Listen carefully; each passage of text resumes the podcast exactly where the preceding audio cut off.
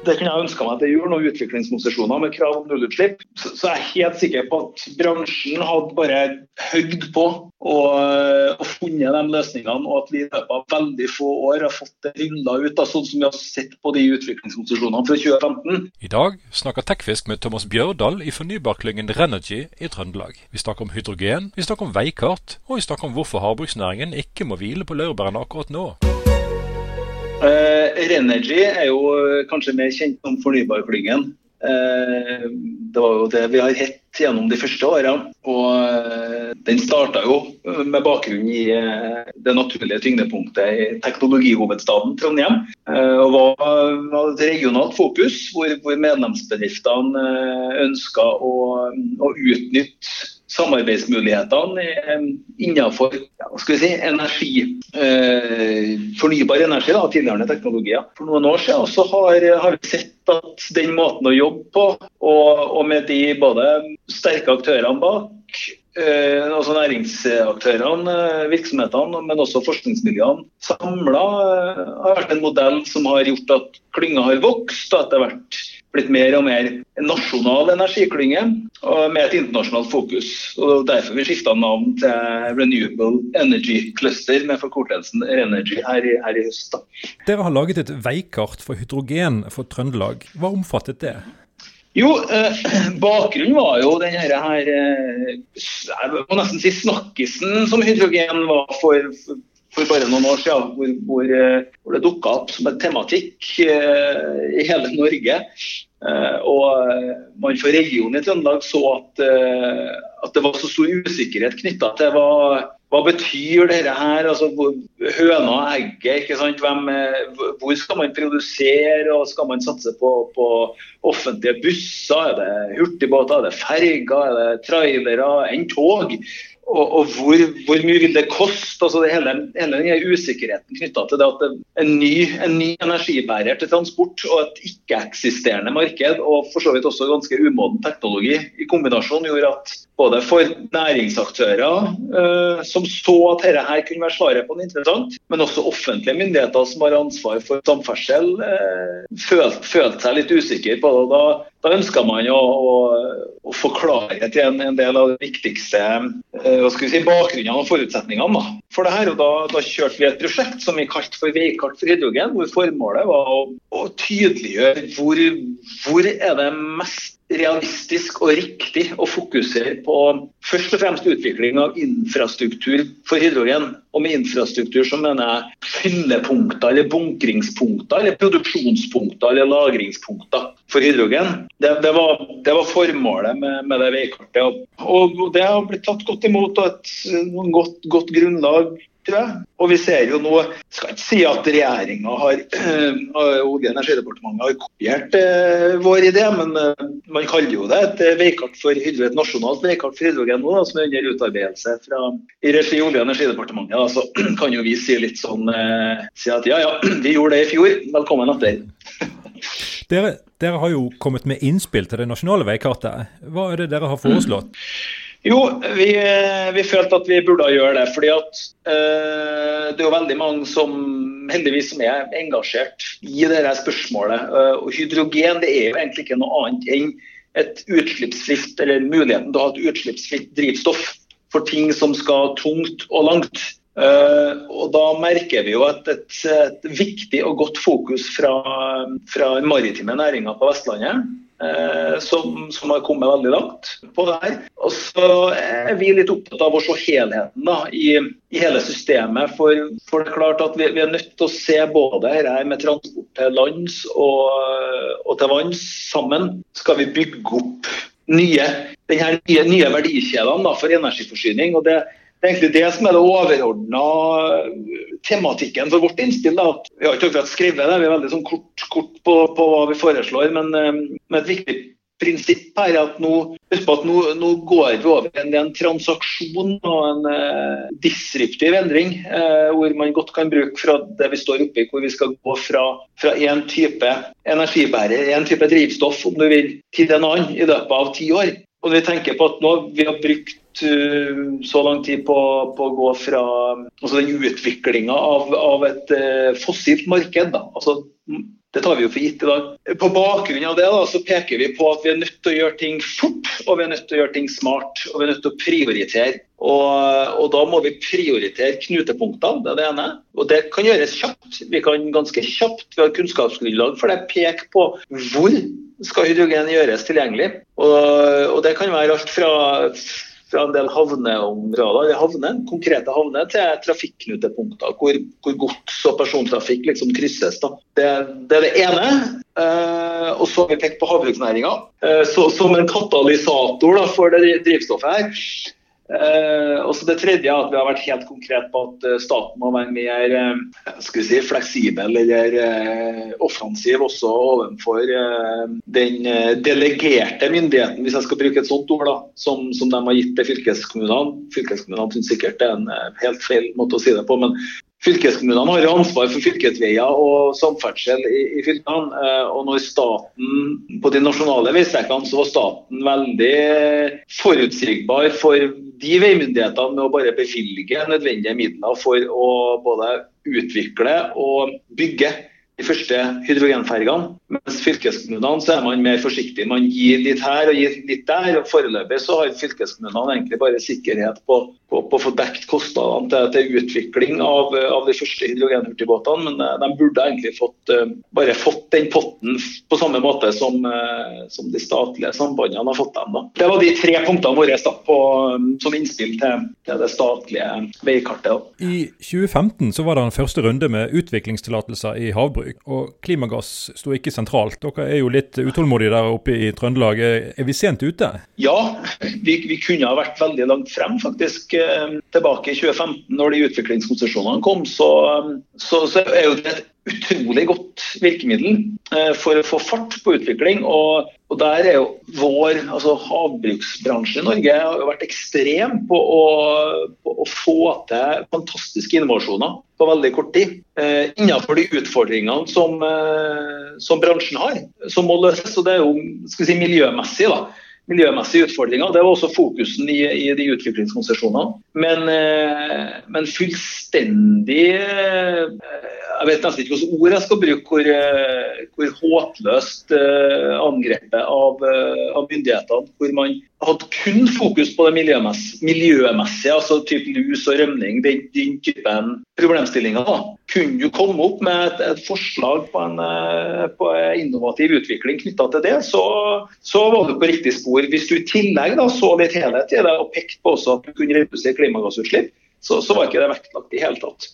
Og det, det, er en fullstendig skivebom um, den gang. Og det må bare rettes opp nå. For hvis vi hadde gjort det da, så tror jeg at vi allerede hadde hatt rimelig verdensledende innovative energiløsninger på, på, på fòrflåter i Norge. Uh, nå tenker jeg spesielt på de havmerdene, altså nye, nye flåter hvor vi hadde allerede vært verdensledende. Og det, det, det er jeg helt sikker på at havbruksnæringa har fått det. For er det en næring som, eh, i Norge som har moment og innovasjonstakt i seg til å gjøre det, så er det den næringa. Altså ikke forkleinelse av maritim industri generelt, men, men, men spesielt havbruksnæringa. Det er veldig høyt tempo og en innovasjonsvilje som er der. Den innovasjonsviljen håper jeg man ikke bare håper, jeg er helt sikker på at den kan bli like sterk når den eh, næringa her begynner å, å, se på nye energiløsninger. Her er jo medlemmene av klyngen deres rimelig rett på. Asko ruller ut verdens første hydrogendrevne lastebil, og klyngen er involvert i en hydrogendrevet arbeidsbåt. Ja, jeg, det er jo ikke bare noe jeg finner på. Jeg kjenner næringa godt etter hvert. Vi har hatt et tett samarbeid gjennom et større prosjekt over flere år uh, som heter Energi havbruk, hvor vi har jobba med aktører som f.eks.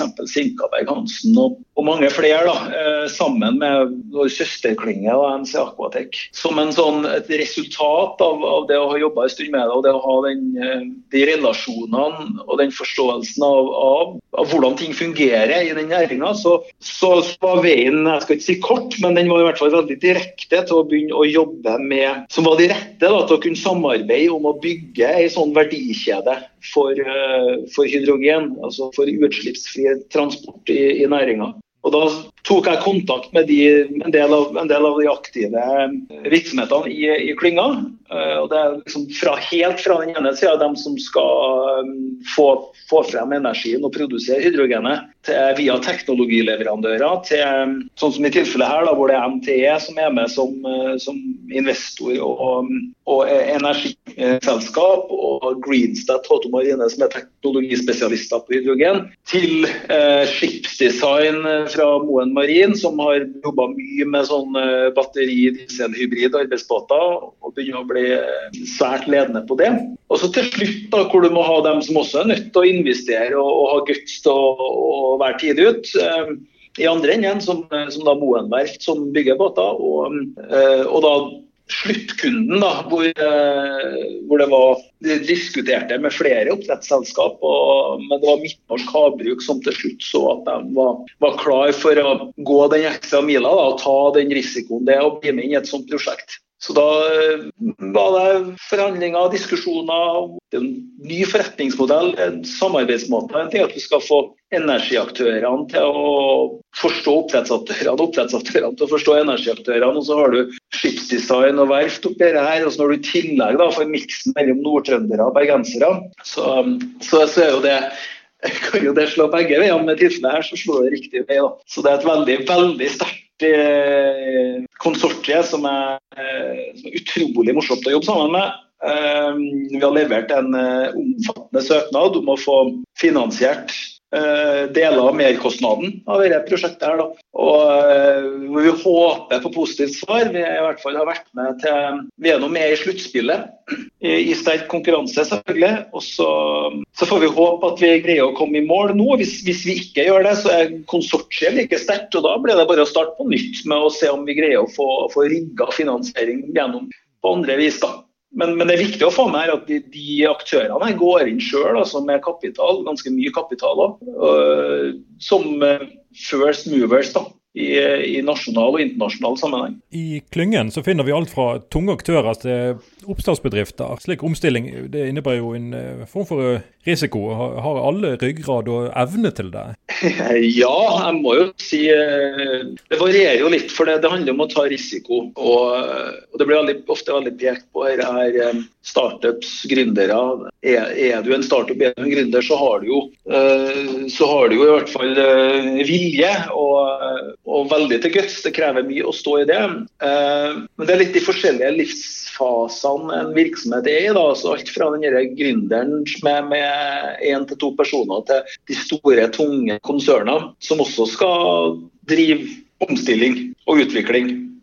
Jeg tror det er litt viktig å se på hvor de forskjellige eh, virksomhetene, i, altså de rundt 90 bedriftene som vi har, 90 bedrifter og organisasjoner, så har vi jo som du sier, alt fra startups. Vi har, vi har alt fra Bright, som driver og skal utvikle utvikle ny batteriteknologi, til, til, til Vattenfall, som er en nordisk, tung energi, et nordisk tungt energiselskap i den andre enden, og, og alt det som er mellom der. Og For alle disse her så handler det om å, å ha denne her, eh, Du må ha en endringskultur, du må ha en, uh, forståelse av at, at, du må være i utvikling hele tida. Det kan være vanskelig for en gründer, og det kan være vanskelig for et tungt konsern. Men det, det som gjør at jeg er veldig optimistisk, er at uh, jeg jobba sjøl i finansbransjen på, på, på 90-tallet, og langt utover 2000-tallet, og var med på en kjempestor endring der fra, fra at folk uh, gikk med sjekkhefte og, og, og for til banken for å betale, betale regningene, til der vi er i dag.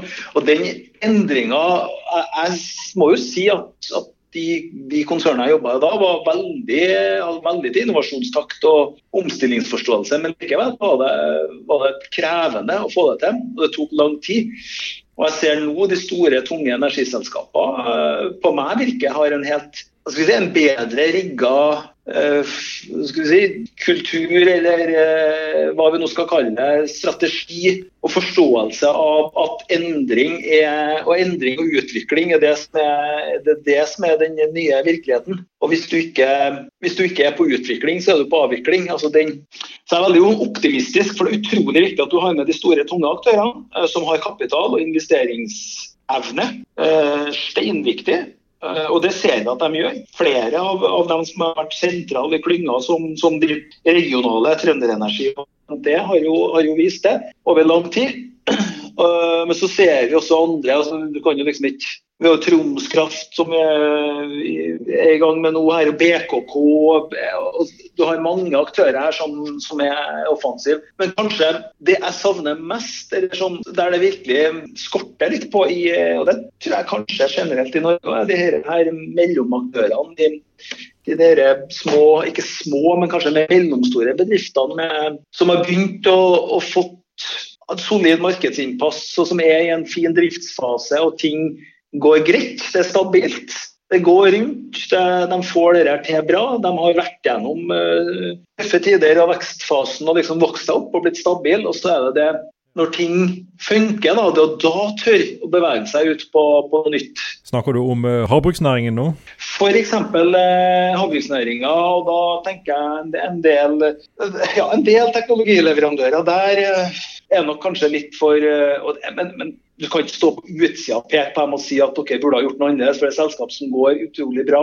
Mange, men det er kanskje når du går bra at du burde ha tatt sjansen på å gutse og satse på noe nytt. Og våge deg litt utpå og, og investere. Det er kanskje da du har muligheten til å, til å, å ansette og rekruttere og satse på nye områder eh, før det er for sent. Men samtidig så har du, du har et marked som er godt, og kundene står og venter. og du, altså, Ting går bra. så jeg forstår forstår ut, ut fra mitt perspektiv at da skal du fokusere på det du er god på. Men den verden vi lever i nå, så du er nødt til å være i utvikling. Og Jeg tror mange av dem kanskje bør stoppe opp et sekund og tenke seg litt tilbake. Mange av dem har holdt på i mange år og, tenkt litt på hvordan, hvordan var det når situasjonen var litt annerledes enn den er i dag.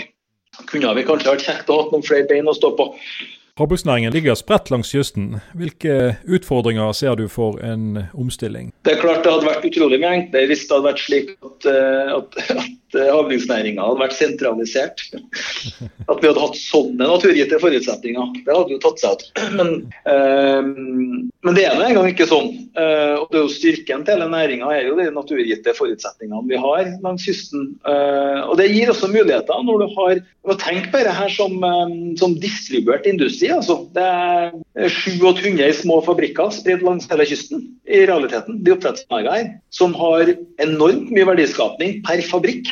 Altså Jeg snakker om oppdrettsanleggene. Altså, hvis vi ser sånn på det, så er jo det en utrolig spennende mulighet for å kunne få utvikle løsninger på de enkelte anleggene. Sånn som vi ser i dag, hvis du ser på, på de løsningene de har for, med fôringsteknologi, med mæreteknologi og for å redusere lus og rømning og alt det, et vell av løsninger innovative, spennende løsninger som testes ut på anlegg hver eneste dag i hundretall. Og når jeg ser for meg at det samme gjøres på energisida, så er jo det en kjempeinteressant mulighet til å bli, bli verdensledende. Mye flåter som har batterihybridløsninger, og, og det har begynt å bli rulla mye ut. Hvis vi begynner å komme dit at, at vi etter hvert nå da, eh, får, får begynt å teste ut bruk av hydrogen ute på flåta, så, så gir jo det oss en kjempemulighet for generell bruk av hydrogen som energibærer til andre formål. Da. Uh, alt fra sånn helt sånn, sånn veldig sånn sannsynlig realistiske ting som, som andre fartøy og som kraftbackup, eller på til mer sånn litt sånn Det er jo ikke så langt frem i tida heller, men, men på, på, offshore havvind f.eks. Eh, som balansering av, eh, av produksjon i sånne anlegg. Det er jo storstilte planer om det nede i Nordsjøen. og Hvis vi er ute og kjører her i, i, i reell testing under maritime forhold i Norge om, om en par år, så, så, har vi et kjempefortrinn. og dette her skal ryddes ut i, altså Det er jo helt tydelige planer om, om å bygge sånne anlegg tilknyttet svære offshorevindparker nede i Nordsjøen. Men, men, der ligger vi langt foran. Hvis vi greier å ta i bruk havbruksnæringa som en sånn katalysator på dette, så kjenner jeg det ja, Jeg får veldig veldig trua på at, eh, på at uh, Norge og norske teknologileverandører kan kan komme ut, komme ut i verden og, og, bli eksportører av den teknologien her etter hvert også. Ja. Dere snakker jo om et tiårsperspektiv for å omstille til hydrogen og lokal energiproduksjon. Hvordan vil Norge se ut om ti år? Jeg tror at hvis, hvis vi gjør det som uh, Hvis vi griper mulighetene nå, og det er ikke snakk om uh, noe sånn månelanding i form av, av, av, av støtteordninger. Det er mulig å få til med, med, med lite sånn, statsbudsjettutfordringer. Ehm, så, så, tror jeg at vi om allerede i 2025 så har vi, så har, Da har vi allerede ett to års erfaring med, med hydrogendrift på ferger på de statlige sambandene. Pilotanlegg med sikkert masse utfordringer. Eh, sånn som vi hadde på de første LNG- og batterifergene, helt naturlig. Eh, samtidig så har vi fått i drift eh, røftlig tre-fire hydrogenhurtigbåter. Mens i hydrogen så er hydrogenelektrisk. Det er kombinasjonen av hydrogen og batteri som, som energilager. Så man kjører på hydrogen jevnt og trutt, og, og, og hydrogenet altså, som, som, da brukes i brenselceller går i kombinasjon med batteri. Da. Så har vi de første testpilotbåtene fra havbruksnæringa. Da er jo uh, lokalitetsbåter, servicebåter, litt sånn som gjør litt begrensa uh, operasjoner og, og rekkevidder i de første båtene. Men i siste halvdel, altså 2025 og frem mot 2030, så, så er vi jo da, da mener jeg at skal vi nå målet våre, våre nasjonale mål om, om 50% reduksjon av, uh, av utslipp fra transportsektoren og industrien, så er vi jo nødt til å se eh, faktisk en ganske stor andel av de mindre fartøyene i eh, oppdrettsnæringa over på eh, hydrogenbatteridrift. Eh, fiskeriflåta, der må jeg innrømme jeg har ikke god nok kunnskap til å synse så veldig mye om. Men eh, hvis vi ser på, på havbruksnæringa, så er det nødt til å skje. Vi har sett de første eh, andre større fartøy, brønnbåter. Uh, og også dere her som leverer fôr, hvor du har kombinasjoner av, av hvor du tester hydrogen som fremdriftsmiddel i kombinasjon med, med, med diesel. Og så vil vi ha så titalls hurtigbåter langs kysten. Vi, vil få, vi har de første store fartøyene. I 2025-2026 så vil vi få Wilhelmsen-rederiet. Skal jo kjøre fraktbåt mellom Bergen og Stavanger på hydrogen. Vi vil få første hurtigrutene som går på delvis hydrogendrift. Så du vil ha ganske mye fartøy langs kysten som går på hydrogen, og da vil du også ha områder, knutepunkter, hvor du har enten produksjon eller lager, leveranse av hydrogen til de fartøyene. Konsekvensene av det da, er at vi for nå har vi liksom fokusert på marin og maritimt. Konsekvensene for det er at sånne som Asko og alle andre som driver transport, de ser da at nå vil det være hydrogen tilgjengelig. Forskjellige punkter langs kysten de kan legge opp sine transportruter på samme måte. Så Da vil du få nye flåter med lastebiler. Asko sine fire hydrogen trailere de går ikke lenger i sånn uh, sirkler inn og ut av Trondheim. Da har du nye flåter som går uh, lengre ut og, og fyller der hvor det er aktuelt. I 2030, altså om ti år, det, nå er det kortere tid igjen til det enn det er tilbake til 2010, som føles uh, for fryktelig kort tid siden, så vil hydrogen som drivstoff til sjøs og til lands vil være noe som fortsatt er litt nytt men, eh, men, begynner å bli ganske vanlig. På samme måte som det i dag allerede på veldig få, bare fire-fem år, har blitt ganske vanlig at, at fergene vi tar rundt omkring har uh, helt eller delvis batterielektrisk fremdrift. At fleste oppdrettsbåtene som, uh, som, bygges på Moen verft nå har uh, batteri-dieseldrift og osv. Ja. Havbruksnæringen, det viktigste insentivet, er det pisk eller er det gulrot? Eh, gulrot. Jeg kan ikke si pisk. Da får ikke jeg noen venner igjen i næringa. Eh, Støk til alvor. Det, det, som er så bra med den næringa, eh, i hvert fall det momentet som næringa har nå, er at det er jo egentlig ikke nødvendig med så mye pisk. Det å utnytte eh, Jeg tror det med utviklingskonsesjoner, da, utnytte det systemet. Og de erfaringene man hadde fra forrige runde, hvor det tross alt som jeg så nå på en, eh, en eh, rapport her hvor, hvor man eh, anslår at med de investeringene som er gjort og som skal bli gjort, så er man oppe på en 5-6 milliarder. Altså investert i utviklingsmiljøutvikling.